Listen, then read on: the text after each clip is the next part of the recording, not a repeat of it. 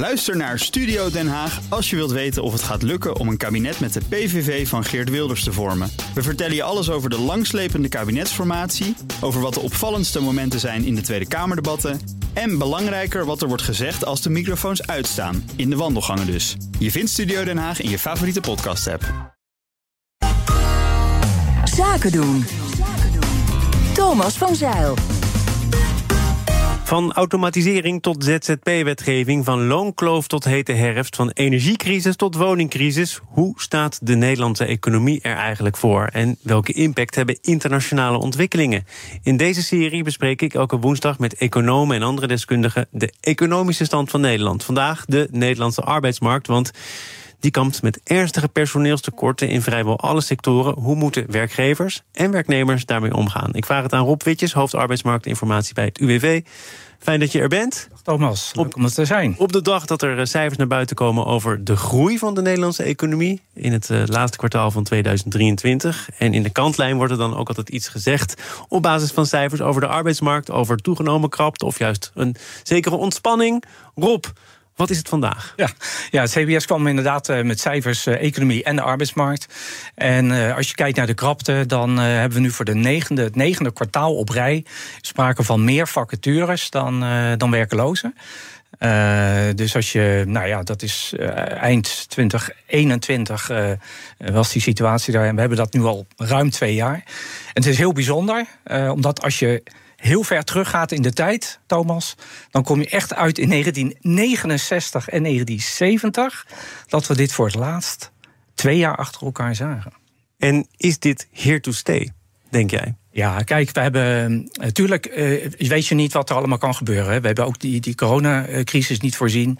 En toen kregen we natuurlijk ook een behoorlijke dip. Maar als je puur kijkt naar bijvoorbeeld de demografie, hè, de vergrijzing, ontgroening, uh, dan kan je wel zeggen dat dat nog niet eens op zijn hoogtepunt is. Hè. Dat zal in de tweede helft van dit decennium en ook 2030, 2035 nog fors aantrekken.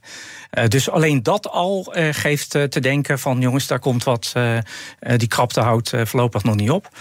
Uh, en we hebben natuurlijk dan een, een zeg maar, kwantitatief verhaal, maar we hebben natuurlijk ook een kwalitatieve uh, mismatch op de arbeidsmarkt. En dat vraag en aanbod zich toch onvoldoende nog steeds kan, uh, ja, elkaar kan vinden. Ondanks die negen kwartalen op rij kwam ik jouw naam, ik geloof vorige week zelfs nog tegen, in een artikel dat ging over reorganisaties. Ja. Bedrijven die in grote rondes mensen bedanken voor bewezen diensten. Dat kan dus ook naast elkaar bestaan. Dat kan zeker eh, naast elkaar bestaan. Inderdaad, wij uh, bedrijven, als zij meer dan twintig werknemers in een regio zullen ontslaan of moeten ontslaan, dan, dan doen zij melding in het kader van wet melding collectief ontslag. Daar zien we van dat vorig jaar 188 bedrijven dit gedaan hebben. Ehm, veel, het gaat natuurlijk vaak om reorganisaties, herstructureringen jaar daarvoor, 2022, was dat een stuk lager. Maar jouw pleidooi is toch volgens mij in heel veel sectoren... doe alles wat je kunt om mensen te behouden. Alsjeblieft, begin daarmee. Maar blijkbaar zijn er dus ook bedrijven die dat misschien wel willen. Het heeft misschien iets te maken met het economisch tij... met een aangekondigde faillissementsgolf... die maar niet heel erg wil losbarsten. Maar toch, er zijn dus ook bedrijven die mensen op straat zetten. Meer dan voorheen. Ja, op zich is dat voor de economie uh, niet erg als, als er natuurlijk wat beweging komt. Hè? Want uh, we hebben natuurlijk in 2021, 2022 gezien dat het echt allemaal op slot zat. Het, kijk, een faillissement of reorganisatie individueel hè, voor, voor van individuele werknemer is natuurlijk nooit, nooit fijn. voor de economie mag er natuurlijk wel wat beweging komen. Het is wel zo dat we hebben onderzoek gedaan onder 4000 werkgevers laatste kwartaal vorig jaar. Hebben gevraagd van joh, wat heb je nou gedaan om die uh, krapte uh, nou, wat in te dammen?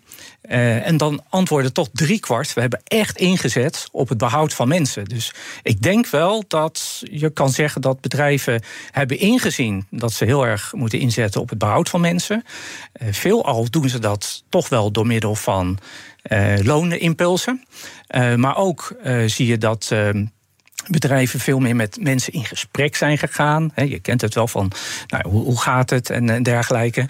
Ehm, ik wil dat niet bagatelliseren, maar ze geven het aan. Ze zijn veel meer uh, gaan vragen van wat, uh, nou ja, wat ze bezighoudt. Maar dat moet je dus ook niet bagatelliseren, dat is belangrijk. Ja, precies. Dat, is juist. Uh, maar dan hoor je van ja, ja, dat is soft. Maar dat is het echt niet. Het is cruciaal dat bedrijven oog hebben voor de werkdruk. Want je, je noemde wel op plek 1 geld, het loon. Ja, het, het is eigenlijk geld en. Ja, het, het, hangt. Kijk, als ze vragen wat is het allerbelangrijkste uh, argument geweest om uh, zeg maar, mensen te behouden, dan zeggen ze ja, dat zijn dan toch de, uh, de, de, de, de looninspanningen.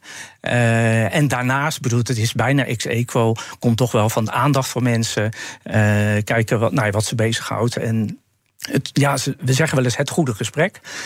dat is toch wel. Ik vind dat wel bijzonder, omdat we dat het jaar daarvoor, 2022, veel minder zagen. Dus ik denk dat vorig jaar uh, echt heel veel bedrijven echt hebben ingezet op behoud. Maar goed, soms uh, is het niet anders. Hè? Dan, dan moet je toch afscheid nemen. Wat voor de ene het probleem is, namelijk voor werkgevers, is voor de ander bijna een garantie op werk. En dat is wel interessant als je kijkt naar uh, discussies over bestaanszekerheid, over economische onzekerheid. Die geldt er dus niet op het front van je baan. Wat voor heel veel mensen denk ik elementair is. Dat is een bijzondere situatie. Ja, het is een hele bijzondere situatie. Want we hebben natuurlijk wel uh, het vierde kwartaal een lichte uh, economische groei. Hè, zoals dat uh, door het CBS is aangegeven. Maar drie kwartalen op rij in krimp.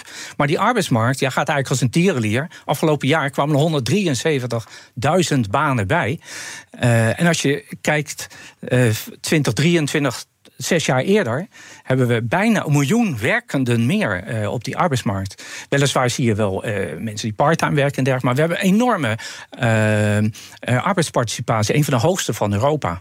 Dus wat dat betreft, veel kans voor mensen die, nou ja, zeg maar, om een baan te behouden. Dat zie je ook natuurlijk hebben we een, loonstijging uh, gehad afgelopen jaar. Waarvan werkgevers overigens zeggen dat is ons iets te gortig. Hè? Voor de lange termijn moet je je realiseren dat wij als bedrijfsleven ook moeten kunnen investeren. En dat we niet alles kunnen opsoeperen aan lonen. Een CAO-loonstijging van, wat is het, 6, 7 procent? Ja. Dat is niet houdbaar. Nee, ik denk Zei de AWVN overigens in een, in een arbeidsvoorwaardennota eind vorig ja. jaar. Ja, je ziet natuurlijk wel dat de, de inflatie wat uh, afvlakt. Hè. Dus ik, ik verwacht ook dat, uh, dat die enorme loonstijgingen die we, uh, of relatief gezien, hebben gehad vorig jaar, dat die wel wat minder zullen, zullen worden. En natuurlijk moeten bedrijven goed kijken van. Uh, ja, hoe, hoe, hoe, krijg ik het plaatje rond? Want de looncomponent is natuurlijk een, ja, eigenlijk de belangrijkste kostenpost. Er is zoveel werk dat er uh, ook prominente stemmen zijn die nu al bij voortduring zeggen: sommig werk, sommige sectoren. Die zouden wij in Nederland niet moeten willen. Uh, Klaas Knot, DNB-president, heeft het dan over bijvoorbeeld distributiecentra. Hij heeft het over slachterijen, over de glasduinbouw. Voegt economisch niet voldoende toe. Er zijn wel veel mensen die daar werken. Arbeidsmigranten, komen we weer op een ander thema. Snap jij dat die discussie zo speelt? Nou, ik, ik snap wel dat. Kijk, we zijn allemaal op zoek naar de oplossing uh, voor de krapte. En zeker ook naar de toekomst. En de oplossing is er niet. Kijk, er zijn eigenlijk, ik zie het als een soort mengpaneel. Je hebt drie schuifjes waar je aan kan uh, schuiven, zeg maar. Uh, dat is hoe krijg je meer mensen op die arbeidsmarkt. daar speelt dan ook die, die migratiediscussie. Maar ook van hoe krijg je meer mensen meer uren aan het werk. Ja, werk moet lonen krijg je dan al snel, toch? Politiek precies, vertaald. werk moet lonen. en dan krijg je ook heel snel de, de discussie: wat voor economie willen we zijn in de toekomst. Het tweede aspect wat, uh, wat belangrijk is, is van uh, ja, uh, misschien moeten we de arbeidsvraag wel verminderen. Hè, dat ze zeggen van nou, meer inzetten op technologie, waardoor je de arbeidsproductiviteit kan, kan verhogen. Ja, Rob, maar die arbeidsproductiviteit die is met geen mogelijkheid blijkbaar, als je kijkt naar de afgelopen jaren, ook maar enigszins op te krikken, toch? Nou, die arbeidsproductiviteit, die, we gingen altijd een beetje uit van een gemiddelde van een procent per jaar. Nou, die zit echt nu op een half procent. En ik denk als je echt die arbeidsproductiviteit wil aanjagen als echt een belangrijke uh, factor voor de, voor de economie. Um, om de kapte op te lossen zou je dus inderdaad nog ver moeten inzetten op innovatie en, en zeker ook op die technologisering. Het derde element, wat wel heel belangrijk is, is ook het verbeteren van de aansluiting tussen vraag en aanbod. Um, daar zoek ik eigenlijk nog de meeste kans, zou ik maar zeggen. In combinatie met, uh, met die innovatie of die uh, technologie. Omdat je uh, toch moet blijven investeren in scholing van werkenden, de vakkennis. We noemen het vaak leven lang ontwikkelen. Ehm, en dat wil nog wel eens, nou ja, zeg maar als inderdaad als derde worden genoemd. Omdat het eerste, de discussie over meer mensen aan het werk. En of het nou arbeidsmigranten zijn of dat je zegt, nou we gaan de AOW-leeftijd nog verder verhogen. Ik, ik denk dat het, het, ja, zeg maar het, het verbeteren van de aansluiting vraag en aanbod, dat dat nog best wel wat meer in de spotlight Misschien wordt dat als derde genoemd, onder andere dat leven lang ontwikkelen of leven lang leren, omdat het al zo lang een thema is. En blijkbaar, als ik jou hoor, daar zit nog het meeste potentieel in, nooit echt is gaan vliegen. Nee, we hebben het er inderdaad al heel lang over, een leven lang eh, inmiddels. Uh, wat je wel als ontwikkeling ziet, dat vind ik wel een, een goede om te vermelden, is dat er steeds meer bedrijven zijn die matchen of kijken naar de vaardigheden van mensen. Of mensen uitnodigen van, joh, doe eens een kop koffie. Uh, nou, uh, dus de CV-motivatiebrief is echt op zijn retour. De CV-motivatiebrief, ja, ik ben er voorzichtig, is op zijn retour. Maar het dreigt als het even wat minder gaat in de, eh, de economie, dan zie je natuurlijk wel weer een situatie dat werkgevers wat meer vast, vasthouden aan diploma's. Maar ik denk wel dat er een kentering de afgelopen jaren met een, ja, een, een langdurige krapte is ontstaan. Dus er wordt wel veel meer gekeken naar vaardigheden in plaats van diploma's en werkervaring. Allebei is nog, alle drie is belangrijk, maar je ziet dat die matchen op vaardigheden steeds, steeds meer aan terrein gaat winnen. Nog één belangrijk thema, en dan komen we ook in de buurt van de formatietafel, want verschillende ministers, en dat gaat inmiddels ook jarenlang terug. Die zijn bezig om de arbeidsmarkt minder flexibel te maken en iets vastere vorm te geven. Minder flex, meer vast, dat soort zaken. Uh, lukt dat een beetje? Of lopen ook veel ministers, en dan denk ik ook aan Van Gennep daar uiteindelijk toch ergens op stuk? Ja, kijk, je, je bereikt natuurlijk nooit 100% vast. Hè? En uh, ik denk dat in de, de arbeidsmarkt van nu, dat zie je ook aan de cijfers van de, van de uitzendbranche op dit moment, dat, uh, dat er meer werkgevers toch vaste banen gaan aanbieden. Uh, en dan hoeft Van Gennep dat niet eens zo te zeggen, want uh, dat, dat, dat, Dan doet de markt het zelf. Dat roept ja, precies, de markt zelf. dus ja, de, kijk, er, is wat, er zijn natuurlijk wat, wat wetsvoorstellen in de maak die dat nog meer gaan, ja, zeg maar gaan reguleren. Is, is, dat, een, is dat sec gezien een goede zaak? Dat daar wetgeving voor komt? Ik denk wel dat een uh, dat goede zaak is om wet, maar je moet het niet helemaal dichttimmeren. He, dus uh, tweede, als je kijkt naar de werknemers alleen al, twee derde van de werknemers heeft een vaste baan en een derde heeft een uh, flexcontract. nou, als je mij persoonlijk vraagt, denk ik, nou, dat is een mooi, mooi evenwicht. maar dan krijg je natuurlijk altijd van die individuele verhalen. Maar ja, ik werk al zo lang op basis van een uitzendcontract en ik wil dit of dat. Hoe lang werk jij al bij het UWV? wil je het eerlijk weten? Ja, nee hoor. Ik, heb, ik werk, uh, en ik ben er ontzettend trots op. Ik werk uh, met al zijn rechtsvoorgangers. Dus we zijn de GAK geworden, nou, noem maar op. Hè. Dus we hebben een heleboel organisatiewijzigingen gehad. Ruim 36 jaar bij de organisatie. En uh, het is, ja, laat ik zo zeggen, iedere dag weer echt een feest. Dus er komen nog heel veel jaren bij? Wat mij betreft wel. Ik ben 60. En wie weet, hè? we gaan wij. is, het, is, is, als het aan jou ligt, ook je laatste werkgever? Um, ik denk het wel, maar het zou heel goed kunnen zijn dat we weer gaan fuseren. Zou, na die 36 jaar zou het heel anders kunnen lopen, Rob. Ja, geen idee. ik heb geen idee, Thomas. Dan uh, denk ik wel dat er nog gelegenheid komt om elkaar weer eens te spreken. Zeker weten. Rob Witjes, hoofd arbeidsmarktinformatie, al 36 jaar verbonden aan alle rechtsvoorgangers en het UWV zelf. Namelijk nu bij het UWV. Dank voor dit gesprek. De economische stand van Nederland wordt mede mogelijk gemaakt door Peet.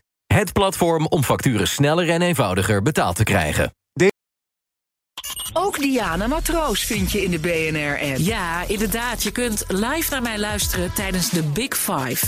Ook handig in de BNR-app. Breaking nieuwsmeldingen, maar ook het allerlaatste zakelijke nieuws. En je vindt in de app alle BNR-podcasts, waaronder Wetenschap Vandaag. Download nu de gratis BNR-app en blijf scherp.